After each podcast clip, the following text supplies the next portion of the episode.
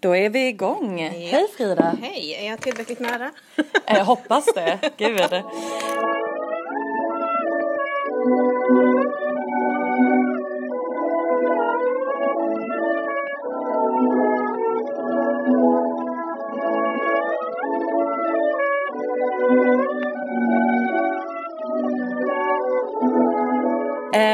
Frida och Lisen, bokad med Frida och Lisen. Gud, så svårt att säga. Eller bokad med Lisen och Frida. Ja, det beror på Nej, vem som säger det. Ja. Mm. Ja. Hur är det med dig? Jo då, det är bra. Ja. Ehm, japp, du då? Jo, ja, jag är jättetrött. det, har varit en, det har varit en tuff helg. Ja, det är tisdag idag. Har du återhämtat dig? Nej, absolut Nej, och inte. du hade ju en väldigt tuff helg. Ja, en väldigt Ska vi helg. inte gå in på alla detaljer? Nej, vi behöver inte gå in på alla detaljer. Men det är tisdag idag Ja. och i fredags var vi på Louisiana Och då var det inte Literature. ens helg. Men, eh, men det känns som att det var... Ja. Jag tycker fredag Ja. är, men okej, det var en arbetsdag. Det var en arbetsdag, en lång arbetsdag. Mm. Lång arbetsdag. 14 timmar räknade jag ut sen när, vi, när jag väl kom hem Åh vid gud. midnatt. Mm. Åh gud. Ja, du var till och med där innan mig också ju. Ja. Så att, ja. Men vi ska inte klaga. Nej, för det för var att det underbart. var ju underbart och lyxigt och eh, väl värt pengarna skulle jag säga. Ja, väldigt härligt. Ja, precis. Särskilt som vi Den danska kronan. Mm. Ja. Eh, ja, eh, och det var alltså litteraturfestival på Luciana kanske vi ska berätta då för de som inte vet om detta. Yes, med mycket internationella Exakt. författarkändisar. Louisiana Literature heter den. Mm. Tionde året som den gick. Vill du berätta vilka författare vi lyssnade på? Precis, för vi gick ju på samma Mm. allihop. Mm. Det gjorde vi. Rachel Cusk lyckades jag då sno åt mig biljetter till. Ja, det hade ju jag Det var- aldrig hunnit Nej, om precis. vi Så hade tagit det, det. var ju eh, det första vi gjorde och ni förstår ju som har lyssnat på den här podden att det var nummer ett för mig. Ja. Mm. Och det var, hur skulle du betygsätta det? Eh, nej, tre. Tre? Mm, du då?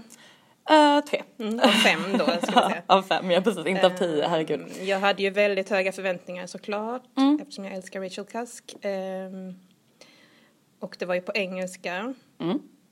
Eh, jag hade lite svårt att förstå allt. Mm. Ehm, Precis, det var ju ett tillfälle som eh, Rachel Cusk och mannen som intervjuade henne, som Mm. var ifrån en stor dansk ny, nyhetstidning tror jag. Ehm, de började i princip um, internskämta med varandra nästan om något uh, engelskt uttryck. Okej. Att Ja, being det- sent to ja, Coventry. Ja, just det. Ja, precis. Ja, och där, där Där tappade, tappade jag ju. de mig ja, också. mm. Ja. Men annars så var hon ju smart. Skitsmart. Eh, det handlade väldigt mycket om form. Mm. Eh, Ja. ja, men smart var hon ju. Ja. Det kan man ju absolut säga. Ja. Och hon läste ju lite böckerna och så. ja, det var kul. Japp. Det var roligt. Jag tyckte att det hon hade skrivit var kul. Ja, ja. Så frågan är då om du kommer att läsa henne nu efter Ja. detta. Det Ja, jag, återstår att se. jag, blir, jag blir ju väldigt rädd Mm. när det, eh, formen kommer först och sen kommer handlingen. Då, då blir jag ju genast, eh, drar Mm. jag öronen åt mig. Men, det är ju värt att testa kanske. Och jag blev ju väldigt sugen på att läsa hennes tidigare böcker. Som Just hon, blivit, hon blev ju väldigt kritiserad för dem när de kom. Det handlade om moderskap och en skilsmässa. Ja, så spännande. Ja. ehm, Men nu då, eh, när hon har blivit så hyllad för sin, sina nya böcker så har ju de också eh, stigit i höjden då. Ja. eh, hos gemene man. Ja. Så det ska bli väldigt kul om, vi lyckas, om jag lyckas få tag på några av dem. Det kanske blir på engelska då? De kanske inte är översatta? Jag vet inte. Det finns ju en bok, tidig bok i Löd, på Löddeköping bibliotek. Jaha, Japp. oj. Där jobbar Lisen, där jobbar inte jag så ofta. Mm. Nej.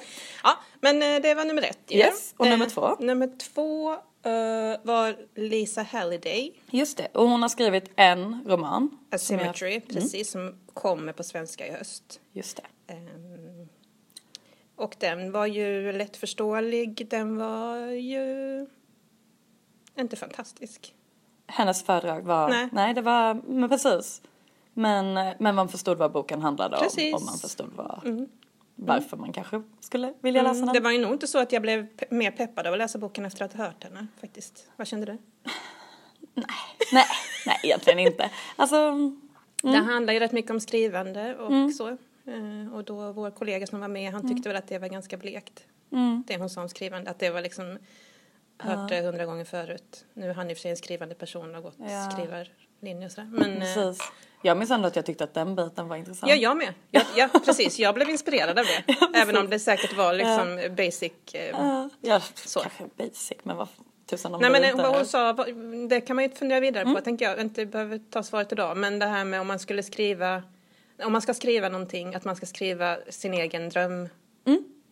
Helt liksom. fantastiskt. Jättebra tips tycker Det jag. kan vi fundera på till nästa gång till exempel. Vad Och sen det här med att skriva jättedetaljerad dagbok. Just det, det blir jag ju superintresserad av. Eller hur?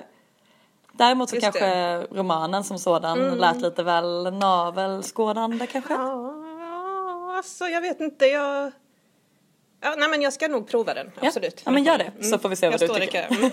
Och sen skulle vi ju sett eh, Roxane Gay. Ja, och det såg Det ju... var ju en av... Utöver Kask var det huvudfokus liksom. Precis. Ah, kanske inte för dig. inte för mig, men nej, för dig snart absolut kommer och vi även till, för mig. eh, Ja, the precis. Men då eh, gick vi och såg en annan författare, bara av ren chansning. Thomas Espensson, Espensen. Nej, Espegard eller? Nej. jag skulle tagit med programmet hade jag tänkt. Ja, eller hur? Ehm, nej, men han var en, i alla fall en, en norsk författare Precis, som... vi eh, trodde ju till och med det var en dansk. Men som tur var Gick så vi och sa, nu kommer snart den danske gubben som vi ska se. Och så helt plötsligt började han prata på norska. Kommer du ihåg det? Vi sa det till Eh, honom. ja, jag, jag hör ju inte jätte... Ja, Espedal. Thomas Espedal. Mm.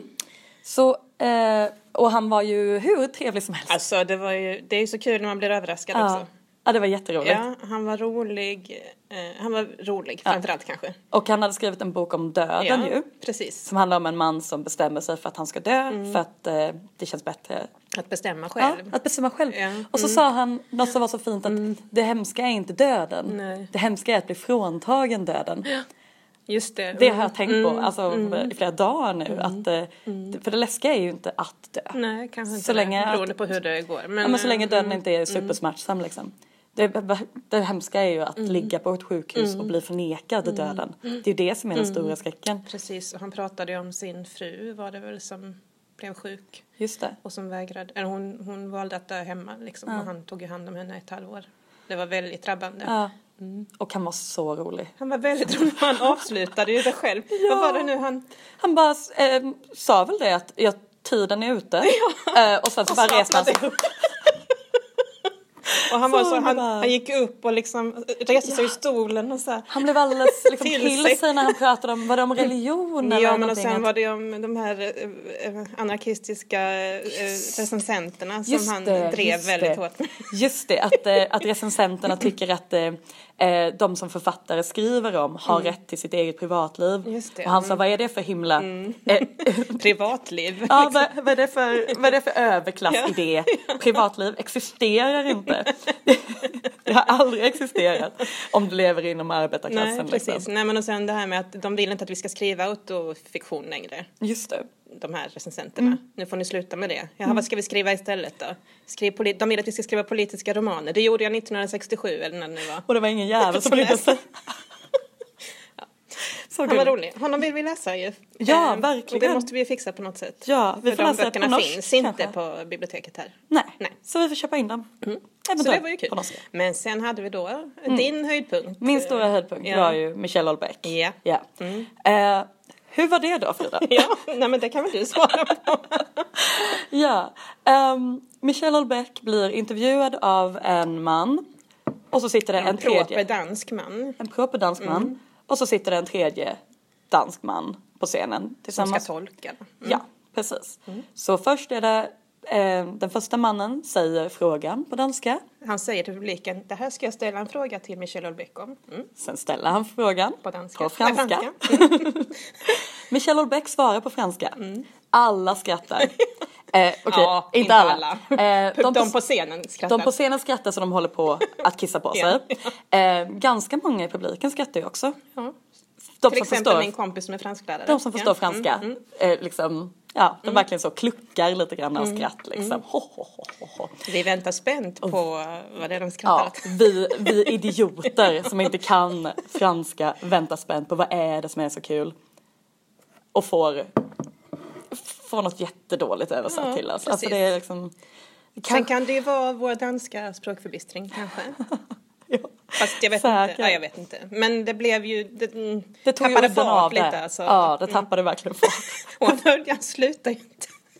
Nej, och det slutade Vi aldrig. fick ju tyvärr gå till tåget. Efter en och en halv timme var vi ju tvungna att gå till tåget. vi. Ja, Ja, Så vi missade ju kanske jag vet inte hur mycket. En halvtimme tror jag jag hörde sen att han höll på i två timmar. Okay. Mm. Ja. Och det var ju då därför att allting skulle översättas. Ja. Så det, som det tog så himla lång tid. Mm. Men eh, det var ju en dansk skådespelare som läste upp eh, texter mm. ur den nya boken. Serotonin. Mm. Och jag tyckte det lät jättekul. Alltså ja, nej men det är, ja. det är ju, det är ju grisigt liksom. Ja det är gri, grisigt och mansgrisigt ja, är det ju. Äckligt mm, liksom. ja. Ska vi prata lite om Holbeck? Ja, ja för du har läst Underkastelse nu. har jag äntligen läst Underkastelse som Lisen då har um, lovordat får vi ändå säga. Alltså ja. du, du har ju läst den för ett par år sedan kanske. Ja. Och tyckte den var superintressant. Ja. ja. Eh, och en kompis till mig har läst den och tycker den är superintressant. Så att mm. jag tänkte nu innan eh, Luciana mm. och Holbeck så skulle jag ha hunnit läsa den. Nu hann jag inte riktigt hela men jag hade ändå fått en smak för den. Yes.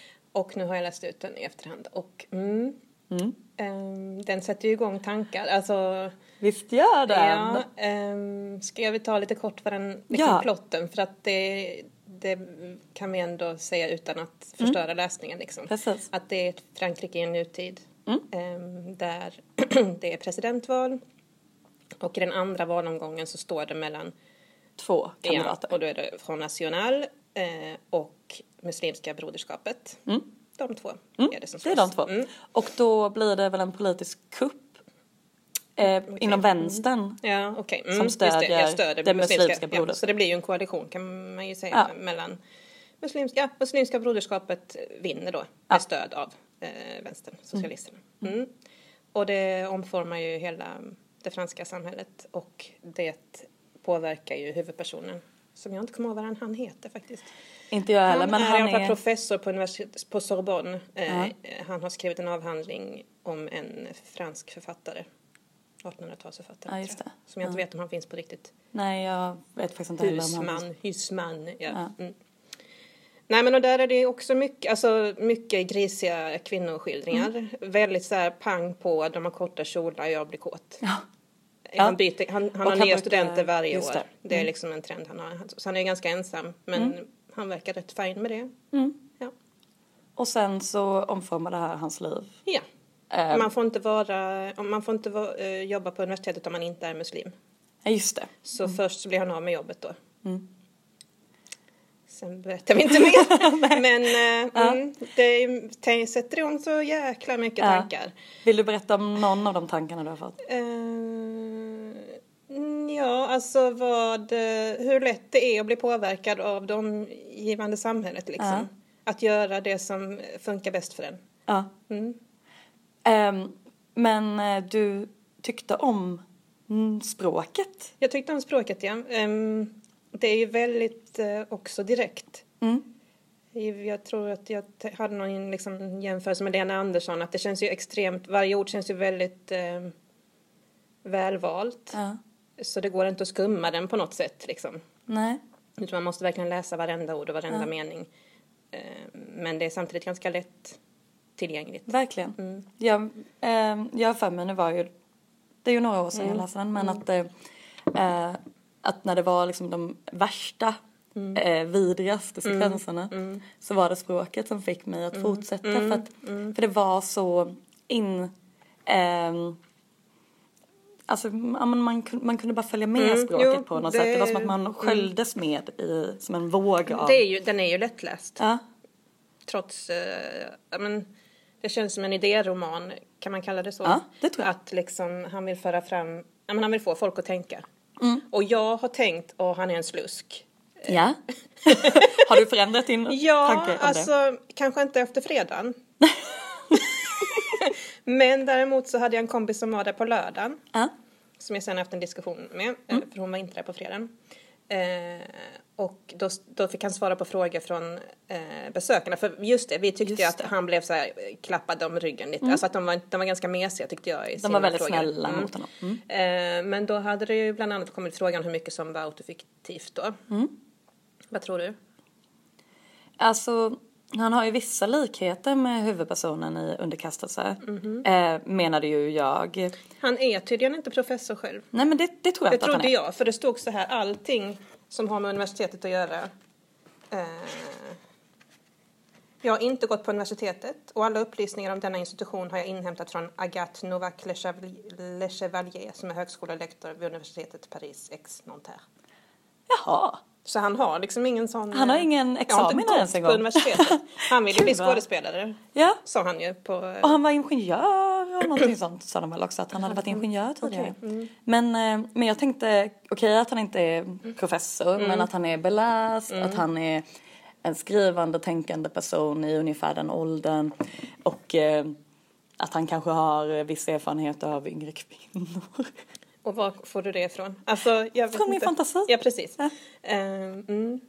Men uh, Nej, men tydligen de? är det så då, uh, enligt honom själv, mm. enligt uh, urkällan till, mm. att uh, man ska inte leta efter honom i huvudkaraktärerna. Nej. Det, han, det som finns från hans liv är i bikaraktärerna. Mm. när det gäller huvudkaraktärerna så gör han i princip alltid motsatsen. Jaha. Men han skriver alltid om män? I ungefär hans egen ålder? Mm, ja. Mm. Eller? Men att de gör väl, alltså han, ja. ja, och så då fick jag en lite mysigare bild av honom. ja. Nej men jag tänker också, eh, jag har något litet citat från den som, jag, som gjorde att jag ändå så här, hmm, när jag tänkte efter att han kanske inte är så sluskig, alltså att han kanske ändå förstår vitsen med kvinnor liksom. Ja, berätta. Eh, Då är det nu när universitetet Sorbonne, nya Sorbonne har fått massa pengar från arabvärlden. Mm. Eh, det är bara muslimska personer som får jobba där. Han mm. är på en eh, fest, en tillställning. Just det. Ändå fick jag inte intrycket av att mottagningen var särskilt lyckad. Små grupper om tre till sex personer, araber och fransmän om vartannat, kretsade i den magnifikt, magnifikt utsmyckade bankettsalen och växlade enstaka ord. Den dystra och skärande arabisk-andalusiska musiken som kom ur högtalarna gjorde inget för att förbättra stämningen. Men det var inte det som var problemet. Och efter att ha gått runt i församlingen i tre kvart och inmundigat ett tiotal metze och fyra glas rödvin insåg jag vad plötsligt vad felet var. Låg. Det fanns bara män där. Inte en enda kvinna var bjuden. Och att hålla liv i ett socialt umgänge på godtagbar nivå utan kvinnor och utan att ta hjälp av fotboll, vilket ändå inte passar sig det, eh, när allt kom omkring i akademiska sammanhang, var ett svårt konststycke att gå i land med. Alltså jag tycker också att han är så himla rolig ja, i det här. Mm. Alltså det är så kul att man får mm. inte prata om fotboll om det då Nej, går det, det liksom inte. inte. Vad ska vi snacka om? Ja, vi är bara män. Ja, jag undrar hur det, men jag, mm. Jag minns eh, en sak som jag tyckte var så intressant med eh, underkastelse är mm. en, en kvinnlig professor. Mm. Eh, eller hon jobbar i alla fall på universitetet. Jag trodde hon var rektor. Hon kanske är rektor Som blev av med jobbet när Muslimska ja. broderskapet... Ja. Och han träffar ju henne, han känner ju henne mm. i boken så han träffar henne i början och hon är en liksom hon är en sån briljant mm. kvinna liksom. Mm. Hon kan så mycket. Um, och hon har ju vikt hela sitt liv åt universitetet mm. eller åt sin forskning. Och sen så blir hon sparkad. Mm. För att det inte passar sig med en kvinna. Och sen så träffar han henne igen när hon är hemmafru. Och hon har helt plötsligt så här färg på kinderna mm. och hon har typ glansigt hår. Mm, och hon, hon lagar typ, så god mat. Och hon lagar så god mat ja. och hon är liksom glad. Mm, mm. ja. Mm. ja, nej men och det är också så här, han kommer hem till den nya rektorn då som gärna vill eh, få honom tillbaka. Just det. Som bor i världens lyxigaste lägenhet som han då har fått också mm. genom han är muslim och konverterad muslim. Eh, när, när han öppnar dörren, när dörren öppnas så är det nog en eh, tjänare som öppnar ja. Men sen kommer det en, en flicka i uh, Hello Kitty-tröja. Mm. Med tugg och tugga tuggummi ja. typ. Det är hans nya fru. Mm. Mm. um, jag tog med mig uh, tanken på att uh, om någonting i den här stilen skulle hända så skulle det inte gå så här smärtfritt. Nej, det hoppas man inte. Alltså det, nej, det kändes som att allt gick väl. Det, där jag, det jag menar med att det är en idéroman mm. för att den drar ju allting till sin spets mm. liksom. Mm. Jag kände att mm. eh, självklart kommer det finnas en kvinnlig motfront. Ja, men frågan är, det kanske det finns, men media var ju rapporterade ju inte. Alltså, Nej. för det fanns ju liksom upplopp och blodigheter som ja. inte syntes i media. Ja. Ja. För att media inte vågade liksom gå emot styrande Sen är det också att eh, Muslimska broderskapets ledare är ju väldigt karismatisk och mm. gör allting rätt liksom. Ja, han är, han är verkligen underbar den ja, mannen. så att eh, rätt person så... kan ju... Ja. Han är så klok och lugn och vältalig. Och liksom och... har underbyggt sina argument och, och det blir ju bättre på många sätt. Samma, alltså nu, nu, och nu får vi bara veta den manliga sidan av det. Vi får inte följa någon kvinna. Nej. Ja, du beskriver den här liksom, eh, rektorn då att hon verkar må bra. Det vet vi ju inte. Precis. Nej, det är ju beskrivet ur huvudpersonens Jo, synvinkel. precis. Liksom. Mm. Så det hade varit intressant att läsa samma scenario fast ur en kvinnlig Det är lite Handmaid's. Tale då. Mm. Som jag inte ju hänger med i när de snackar om den. Men, eh, ja. men det kan det säkert vara ja. Mm. Ja, men, ja, Mm, jo, men inte, precis. inte, inte alls men ändå. Ja, men eh, läs den gärna som bokcirkelbok. Ja. För du eh, känner ändå att eh, du har fått ut mycket av den här, eller Oj, hur? ja. Verkligen. När jag började skriva om den så här efteråt, för att jag skulle, det brukar Ja. jag göra för att komma ihåg. Ja. Så skrev jag och skrev jag och skrev jag och det blev mer och mer och mer frågor liksom. Så att eh, den är superintressant Den väcker att så mycket tänka på. tankar. Mm. Ehm, men eh, du skulle tipsa om den till människor som behöver en bokcirkelbok. Japp, absolut. Mm. Eh, och nu kommer ju då nästa bok, Serotonin, som också har fått väldigt bra kritik i Frankrike, eller på franska. Ja, Nu jag kommer den på svenska i oktober, så att, eh, den, eh, den får vi läsa. Ja, jag blir sugen på att läsa hans här, äldre också. Jag tror att eh, jag behöver en liten paus nu. Jag har ju som tur är då haft Ja, mm. tre års paus men eh, äntligen fick jag, fick jag prata om underkastelsen Mm, lite grann. äntligen, Ja, Ja, men eh, ska vi gå vidare då? ja. Prata om en annan bok, för nu är det lite roligt, för vi brukar säga att vi inte läser samma böcker. Men nu har vi Nu läst böcker. samma, för nu ska vi höra hur det har gått för dig och Stiglitza. Ja. Tänker jag. Ja, jag, ehm, jag tog med mig Steglitzan på, eh, på min semester. Mm, din stora tåg. Min stora tågsemester. Ja. Eh, och jag, jag var borta i 18 dagar. Och eh, den räckte ju hela resan. Eh, den var inte ens slut när jag kom Nej, tillbaka. okej. Så underbart. Så, så underbart. Att få bara få leva med mm. Donna Tartt. Och Så länge får leva med henne. ja, och framförallt få leva med de här karaktärerna. Alltså jag älskade karaktärerna i, böckerna, i boken. Um, Stiglitzan handlar ju om Theodore Decker. Eh, han, är precis i början av boken så går han på museum med sin mamma och ska se en tavla. Ehm, hon går iväg, han står vid tavlan. Eh, terrorister spränger en bomb i museet. Han vaknar efter den här explosionen ehm, och tar tavlan. Han går ut med den, går hem. Vet, sa du vilken tavla? Eh, den heter Steglitzan. Ja, nej jag bara undrar om, vi, om, vi, om du beskrev tavlan innan. Du... Tavlan är en liten, liten fågel som sitter på en pinne och har en boja om foten och är liksom fastkedjad i pinnen. Eh, och det är ju en riktig, en riktig tavla. Ehm, Och den finns på bild i, bo, i boken Ja. så att man kan se. Ehm, han tar med sig eh, tavlan hem.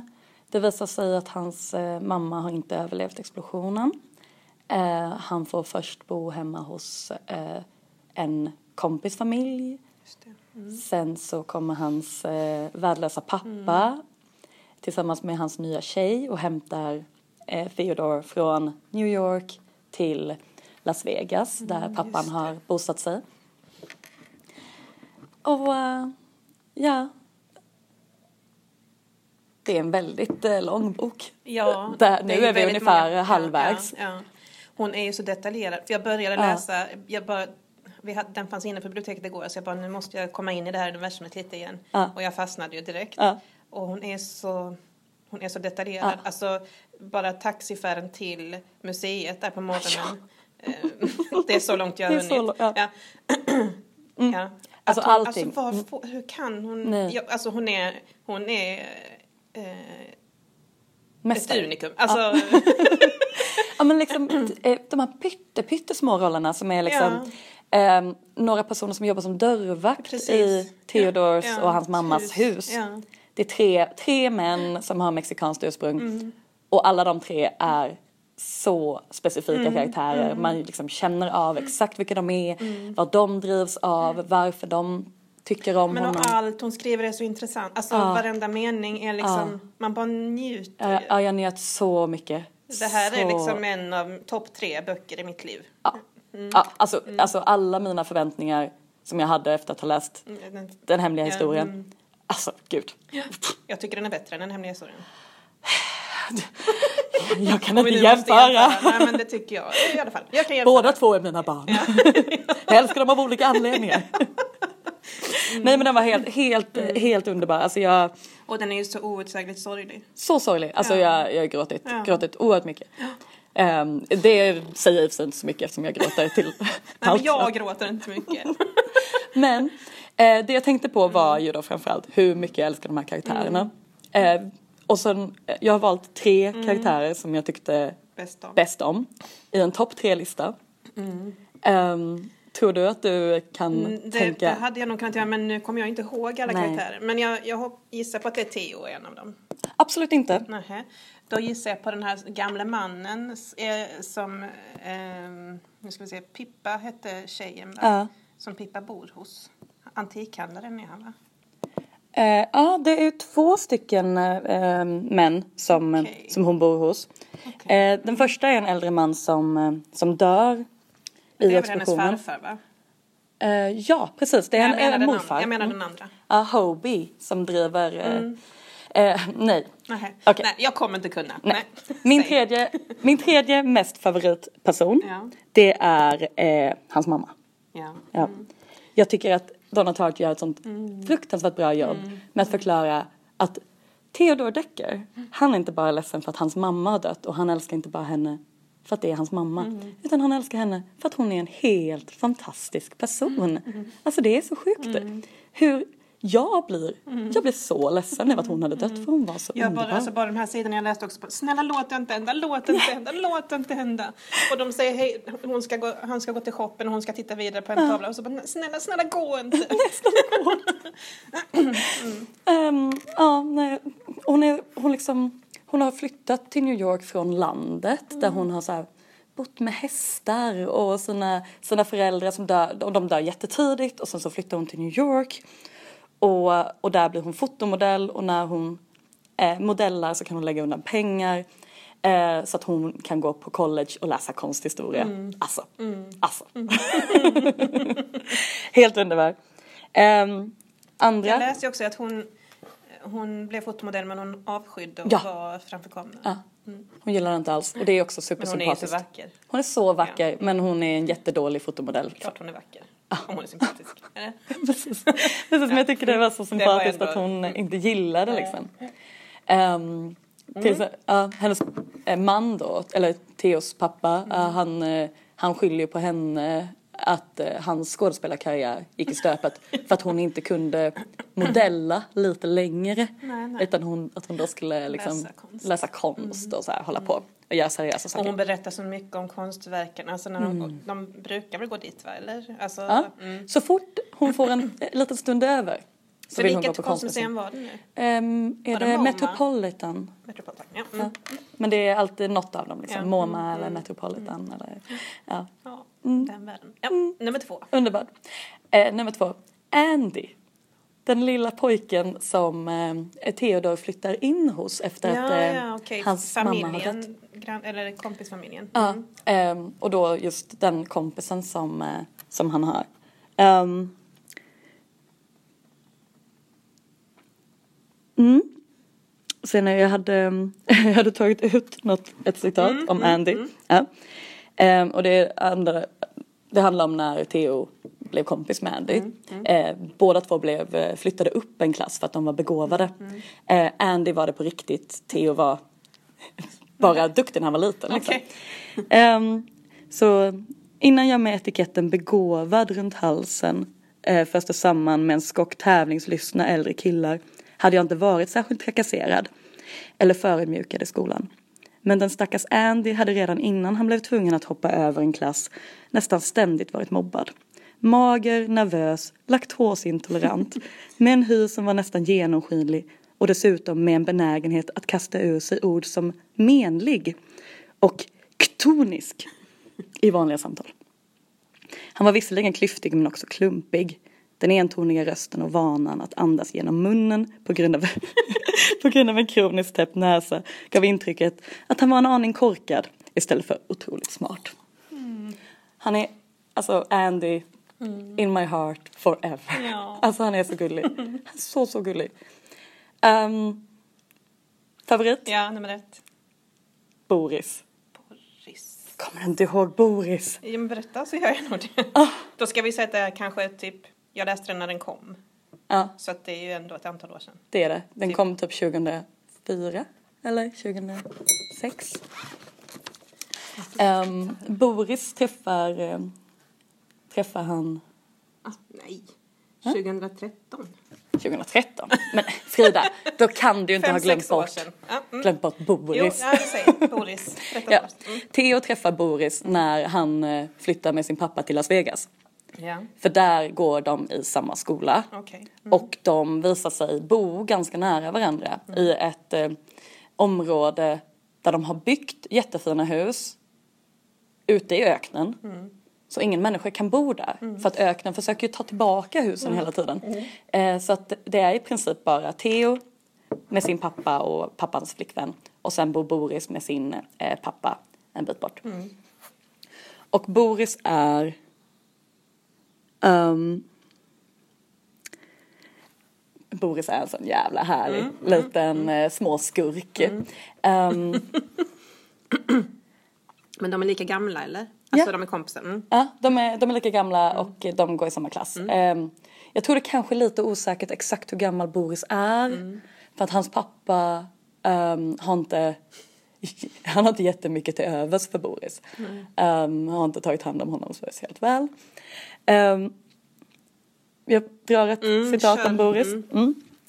Eh, Men han var van att klara sig själv. Med gott humör såg han till att komma i tid till skolan, liftade på egen hand, skrev själv under meddelanden från skolan, snattade sin egen mat och det han behövde för skolan. Ungefär en gång i veckan gick vi kilometer i kringelikrokar i den kvävande värmen i skuggan av paraplyer som indonesiska stammedlemmar. Och tog så vitt jag förstod Um, och tog den långsamma lokalbussen som hette Cat ut åt vårt håll. En buss som så vitt jag förstod bara fyllon och fattiga som inte hade råd med bil och ungdomar använde sig av. Den gick oregelbundet och om vi missade den fick vi stå och vänta ett tag på nästa buss. Men en av hållplatserna låg intill ett shoppingcentrum med en kylig, glänsande, underbemannad supermarket. Där, där Boris stal biffar åt oss. Smör, te, gurka. En stor delikatess tyckte han. Baconpaket. En gång när jag var förkyld till och med hostmedicin. Och gömde allt innanför fodret på sin fula grå regnrock. En herrrock som var alldeles för stor för honom. Med slokande axlar och en dyster öststatsprägel som förde tanken till matransonering och eh, fabriker från Sovjeteran. Um,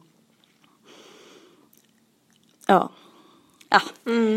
Han är, alltså, han, är så, han är så charmig och strulig.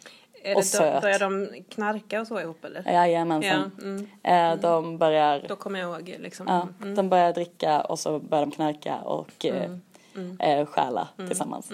Ehm, så att det, Men honom eh, föll det för som en fyra. han är jättedåligt inflytande på Theo men Theo eh, har ju bara väntat på ett dåligt inflytande. Precis. Så att, och det här är en väldigt skärm, alltså han är så charmig. Ja. Charmig liten småskurk. ja, man ömmar ju så himla mycket för Theo. Alltså, Mm.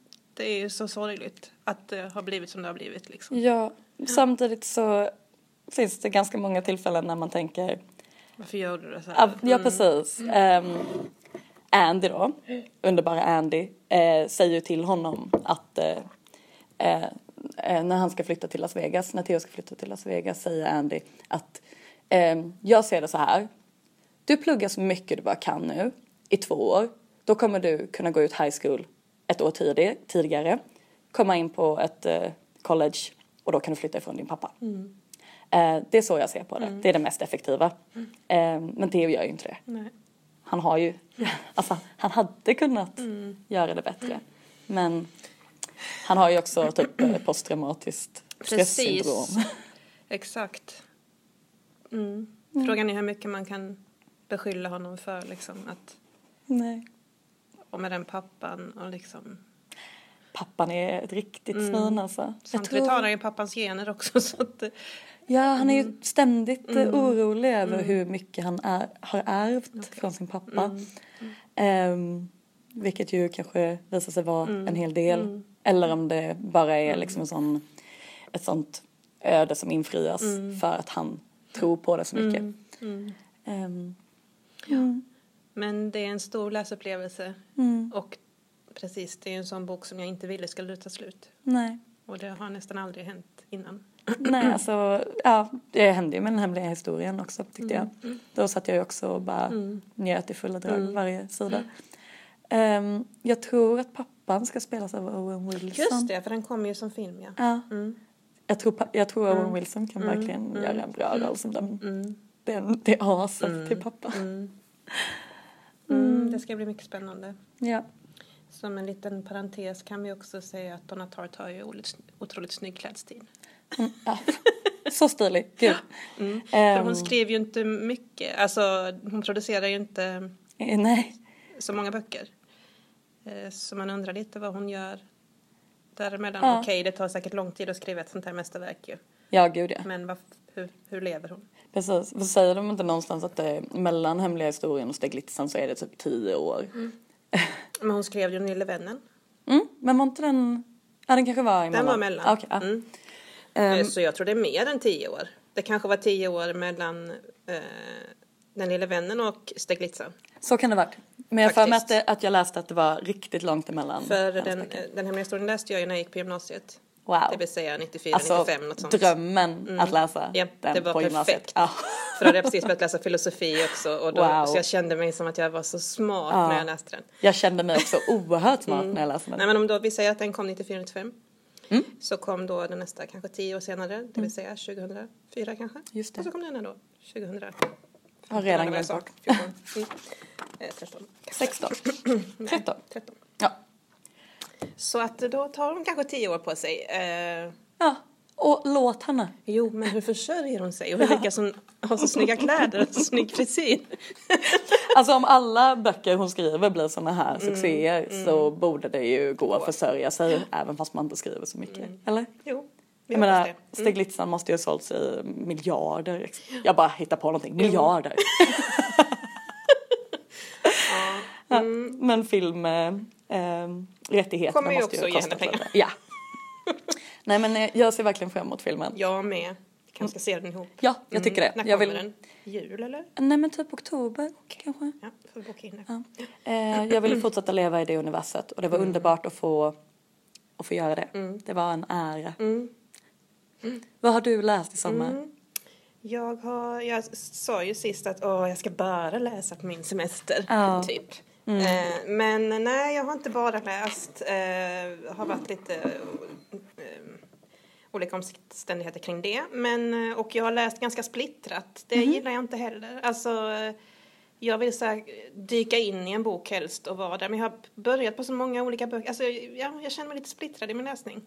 Har du lagt undan många böcker? Ja, en del har jag liksom, och så har jag börjat på något nytt och så, ja men, eh, så att eh, just nu har jag ganska många igång också. Jag, jag var så glad när jag slutförde underkastelse för då kunde jag bocka av den. Liksom. Mm, skönt. Eh, mm, men jag har ändå fått i mig en del bra. Eh, till exempel eh, Alex Schulmans senaste bok, Bränn alla mina brev, som ju handlar om hans eh, mormor och morfar och deras olyckliga kärlekshistoria. Ja.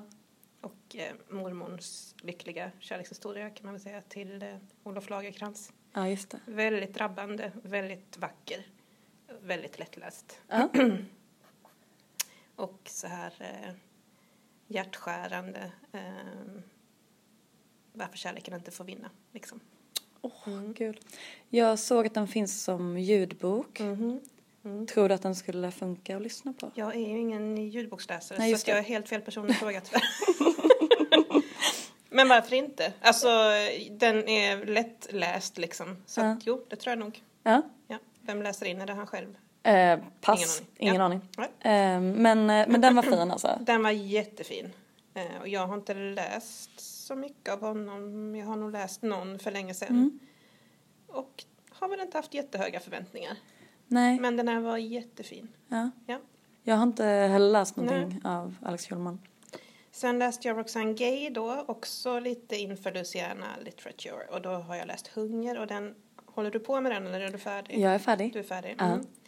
Och den var väldigt, den läste jag på en tågresa bland annat. Mm. Eh, och ibland så påverkar liksom lässituationen. Men det var, Mm. då kunde jag verkligen dyka in i den. Eh, och jag tyckte den var så jäkla smart och Mm. eh, tänkvärd. Eh, och jag, jag har liksom inte alls varit med om hennes upplevelser och jag, men, och det var väldigt mycket, men det var ändå väldigt mycket jag kunde relatera till. Mm. Och mycket som jag inte kunde relatera till. Men alltså hon fick mig verkligen att tänka. Ja, för vad, vad handlar den om? Den handlar ju om eh, hennes förhållande till sin kropp och omvärldens förhållande till hennes kropp och andras kroppar. Ja. Hon är ju stor, Ja. hon är tjock. Ehm, och hon är det för att eh, hon var med om en eh, fruktansvärd gängvåld, eh, gängvåld, gruppvåldtäkt heter det. Ja. Eh, när hon var typ 14. Eh, Jag tror hon var till och med yngre Ja, alltså. Jätte, väldigt, väldigt ung. Ja, och det var ju bland annat då en kille som hon var superförälskad i Mm. som lurade in henne i det här. Eh, och det påverkar henne jättemycket Mm. såklart eh, negativt. Så att då bestämmer hon sig för att äta så mycket att hennes kropp blir till ett fort. Mm. Att ingen ska se henne eller liksom inte vilja vara med henne. Precis. Och hunger i titeln, eh, det anspelar väl lite på den här, alltså hungern i att det är som att hon har ett tomrum Mm. inuti sig som behöver fyllas med någonting. Och, men också då att hon vill, att hon vill bli så stor att hon är, ska vara Men det har ju också gjort att hon, hon, har, hon älskar ju mat. Det är liksom lyckan i livet för henne att äta. Så att det har ju blivit det. Alltså det är ju en, en njutning för henne att äta också. Som hon inte vill liksom eh, bli av med. Gud, det här kommer inte jag ihåg. Nej, jo men det, absolut. Eh, så var det. Eh, men eh, men den, sätter ju, alltså, den ger ju en perspektiv tycker jag. Ja. På hur, dels hur utseendefixerat samhället är och hur det absolut inte är anpassat efter hennes former. Nej. Bara så här om hon ska vara med på en, det var någon, något, hon ska vara med på en författaruppläsning, Mm. skulle upp på en scen, fanns inga trappor upp för scenen. Mm. Det blev ju katastrof för henne.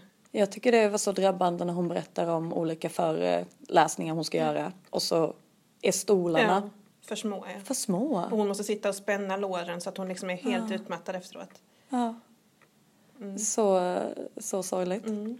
Ehm, Ja, men hur det påverkar henne i relation, kärleksrelationer och hur hon liksom, Mm. hon inte är värd att älskas för att hon är så ful. Hon får ta precis vad hon vill, eller vad de, alltså hon får ta vad som bjuds Mm. liksom.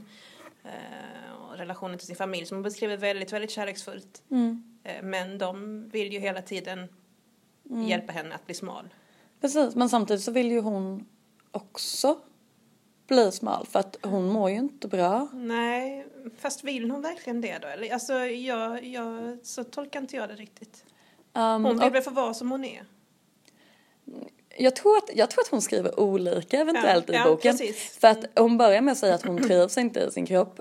Eh, och sen så berättar hon vid något tillfälle att hon har vägt 70 kilo mer än vad hon gör idag. Mm, det. Eh, och jag tror inte att hon vill bli liksom smal, alltså underviktig på något sätt. Men Nej. eh, hon säger ju att hon har ju ont liksom. Jo.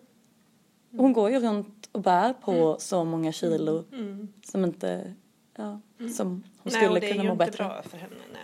Men, Nej. men samtidigt så är, ja men det är väl det som också är intressant med den, att, Mm. att den pendlar liksom. Den ger inga, den ger absolut inga eh, rätta svar. Nej. Och den slutar ju ändå på något sätt hoppfullt har jag för mig, men att hon ändå har funnit någon slags liksom accept- acceptans och kanske att hon har Ja. fått någon, träffat någon som Ja. liksom älskar henne Ja, faktiskt. ja, det känns så. För den hon är. Ehm, Den var men, hon är, men hon är ändå inte, det är inte så att hon har, jag accepterar att jag är som jag är.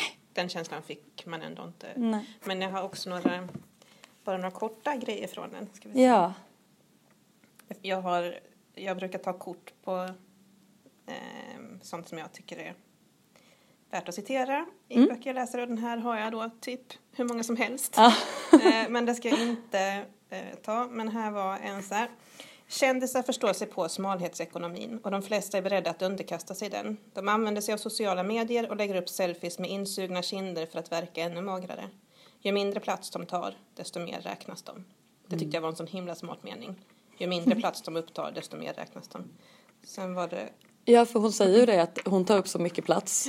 Men folk ser henne inte. Nej, precis. Ju större man är, desto mindre blir ens värld. Ju större man är, desto mindre blir ens värld. Mm. Det är ju det att hon kan inte, om hon ska flyga så måste hon ta, beställa två Åh, säten till exempel. Ja. Och även om man köper två säten så, så passagerarna bredvid, då tror de att det är ett extra säte som de kan lägga sina grejer på. Så ska hon då behöva förklara att jag har betalt för det här extra sätet. Liksom. Och, och flygpersonalen blir alltså sur och hon får inte. Ska du sitta vid? De försöker räkna upp vem som, är, vem som saknas i planet. Och... och så är det ändå de som har sagt åt henne ja. att köpa två Ja, det, det är som ja, en fars verkligen. Det är så mm, ja. himla himla synd om henne. Ja. Det är just, jag kommer ihåg den mm. flygplatsen. Men också det här då, ju större, du är, ju större man är desto mindre blir ens värde. är också att man inskränker sig. Alltså hon, det är så mycket hon inte tillåter sig. Mm. För att hon, hon är stor, hon är ful, hon räknas inte. Nej just det. Hon får inte göra, gå vart hon vill, hon får inte göra vad hon Nej, vill. hon får inte älska den hon vill. Nej. Hon får inte, ja, ja mm. eh, jättebra ja. Tänk att vi missade henne. Ja, hon fick mm. åka hemma personligt. Då börjar man direkt tänka, vad, vad hänt, något med familjen, vad är det som mm. har hänt? Usch, hoppas mm. att, det, att det inte var något ja. så farligt i alla fall. Nej, och sen har jag också läst en eh, novellsamling, mm. eh, Kattmänniska och andra berättelser. Och eh, jag har ju då sagt att jag inte gillar noveller innan mm. men nu har tydligen den trenden vänt för mig. Mm. Eller så har de bara skrivit väldigt bra novellsamlingar ja. på sista tiden. För jag läste ju då Sittenfeldts eh, senaste när vi pratade förra gången och den älskade jag och eh, den här är lite som Sittenfeldt fast tillskruvat, tillspetsat. Mm. Mm. Härligt! Ja. Eh, den här skulle du nog kunna gilla. Ja. Eh, handlar liksom om eh, makt, mycket makt, makt mycket i sex det är verkligen eh, inte personer som man känner sympati för. det tänker jag att du brukar gilla. Mm. Mm. Eh, jättekonstiga liksom. Bland annat så är det en eh, person som älskar att bitas och så måste hon hela tiden hålla sig från att bitas när hon jobbar och sådär. Så, ja. Det låter väldigt roligt. Ja. mm. Den är lite flippad alltså? Den är flippad. Eh. Eller absurd kanske ja, man säger. Eh, men eh, de, ja, nej jag gillar den jättemycket. Vad har du läst mer? Um, jag uh, har läst en gammal klassiker. Mm. Uh, Jacqueline Susan, Dockornas dal. Aldrig ens hört talas om. Jag. Okej. Okay. Mm. Um, det här klassikerkonceptet är lite svårt. Ja. Men den är från ja. 60-talet ja. så modern klassiker mm. kanske. Um, den... Uh, uh, jag, jag, visste att det skulle vara en skandalsuccé. Mm. Så jag tänkte, gud vad mm, mm. smaskigt. Mm. Här, nu ska det. nu ska det skandalas. Ah, verkligen. Um, dockor i titeln, det är slang för uh, tabletter. Mm-hmm. De tar uh, blunddockor Eh, det är sömntabletter då. Okay. Men äh, döm min förvåning när de första 200-300 sidorna är en romance. det är bara en kärlekshistoria. Äh, men det handlar om tre tjejer som vi får följa från 1945 till 1965. Mm. Och de har liksom tre olika drivkrafter som de lite grann straffas för till slut. Mm. Så det är Neely som är yngst när vi börjar och hon är superambitiös och jätteduktig eh, typ varieté skådespelare. Mm. Så, eh, så hon kommer sen till Hollywood och får göra film och sådär. Hon kan sjunga, hon kan skådespela. Och sen så har vi Jennifer som hon är eh, bara väldigt snygg. Mm. Måttligt begåvad mm. men eh, jobbar hårt för hon behöver pengarna liksom. Och sen så har vi Anne som är en sån eh, himla perfekt tjej mm. som bara gör allting rätt. Mm. Dock så faller hon för en riktigt dålig kille. I alla fall så, eh, så, så svänger det i mitten av boken. För där, eh, då har de liksom nått sina höjdpunkter i karriären. Mm. Och eh, nu och... Hur gamla är de då? Gud, de är inte gamla. 20, okay sena 20, mm. tidiga 30. Mm. Uh, och då börjar de ta väldigt mycket tabletter. Okay. För att um, om de är uppstressade hela dagarna mm. så behöver de ta sömntabletter mm. för att sova. Mm. Och sen så um, börjar de ta amfetamin för mm. att uh, bli smala. Och då måste de ju ta mer sömntabletter för att kunna sova. Så det... Och um, uh, en då um, som det går bäst för under längst tid. Hon, hon blir fotomodell mm. och eh, det enda problemet hon har är då att hon är så himla himla kär i den här mannen. Mm. Som, jag vet inte om man ska tycka att han är hemsk. För jag tycker ändå att han framställs Alltså, du vet att man, han framställs Mm. som att han är en god person. Men han är ett sånt himla himla as. Mm. Han har i alla fall lämnat henne eh, ganska tidigt i boken för att eh, bli författare Mm. i London. Och hon bor i New York. Och sen så kommer han tillbaka till New York och berättar för henne att eh, han älskar henne. Eh, och hon säger eh, Ja, för han är där på ett, eh, på ett han ska skriva en tidningsartikel. Och så säger hon, men du ska ju fara tillbaka till England. Och han säger att eh, Kevin är i Amerika. Det är en kille som hon har dejtat liksom. Han log. Jag pratar, om, jag pratar om kärlek. Du pratar om geografi. Ja. Ja, jag tyckte det var. Mm, det var Ja, saftigt. snyggt. Ja. Mm, mm. Ehm, ska vi uh, Runda av. runda av med det? Vi rundar av med det, den härliga slutklämmen. Mm. Vi hörs igen. Det gör vi. Hej hej! Hej hej!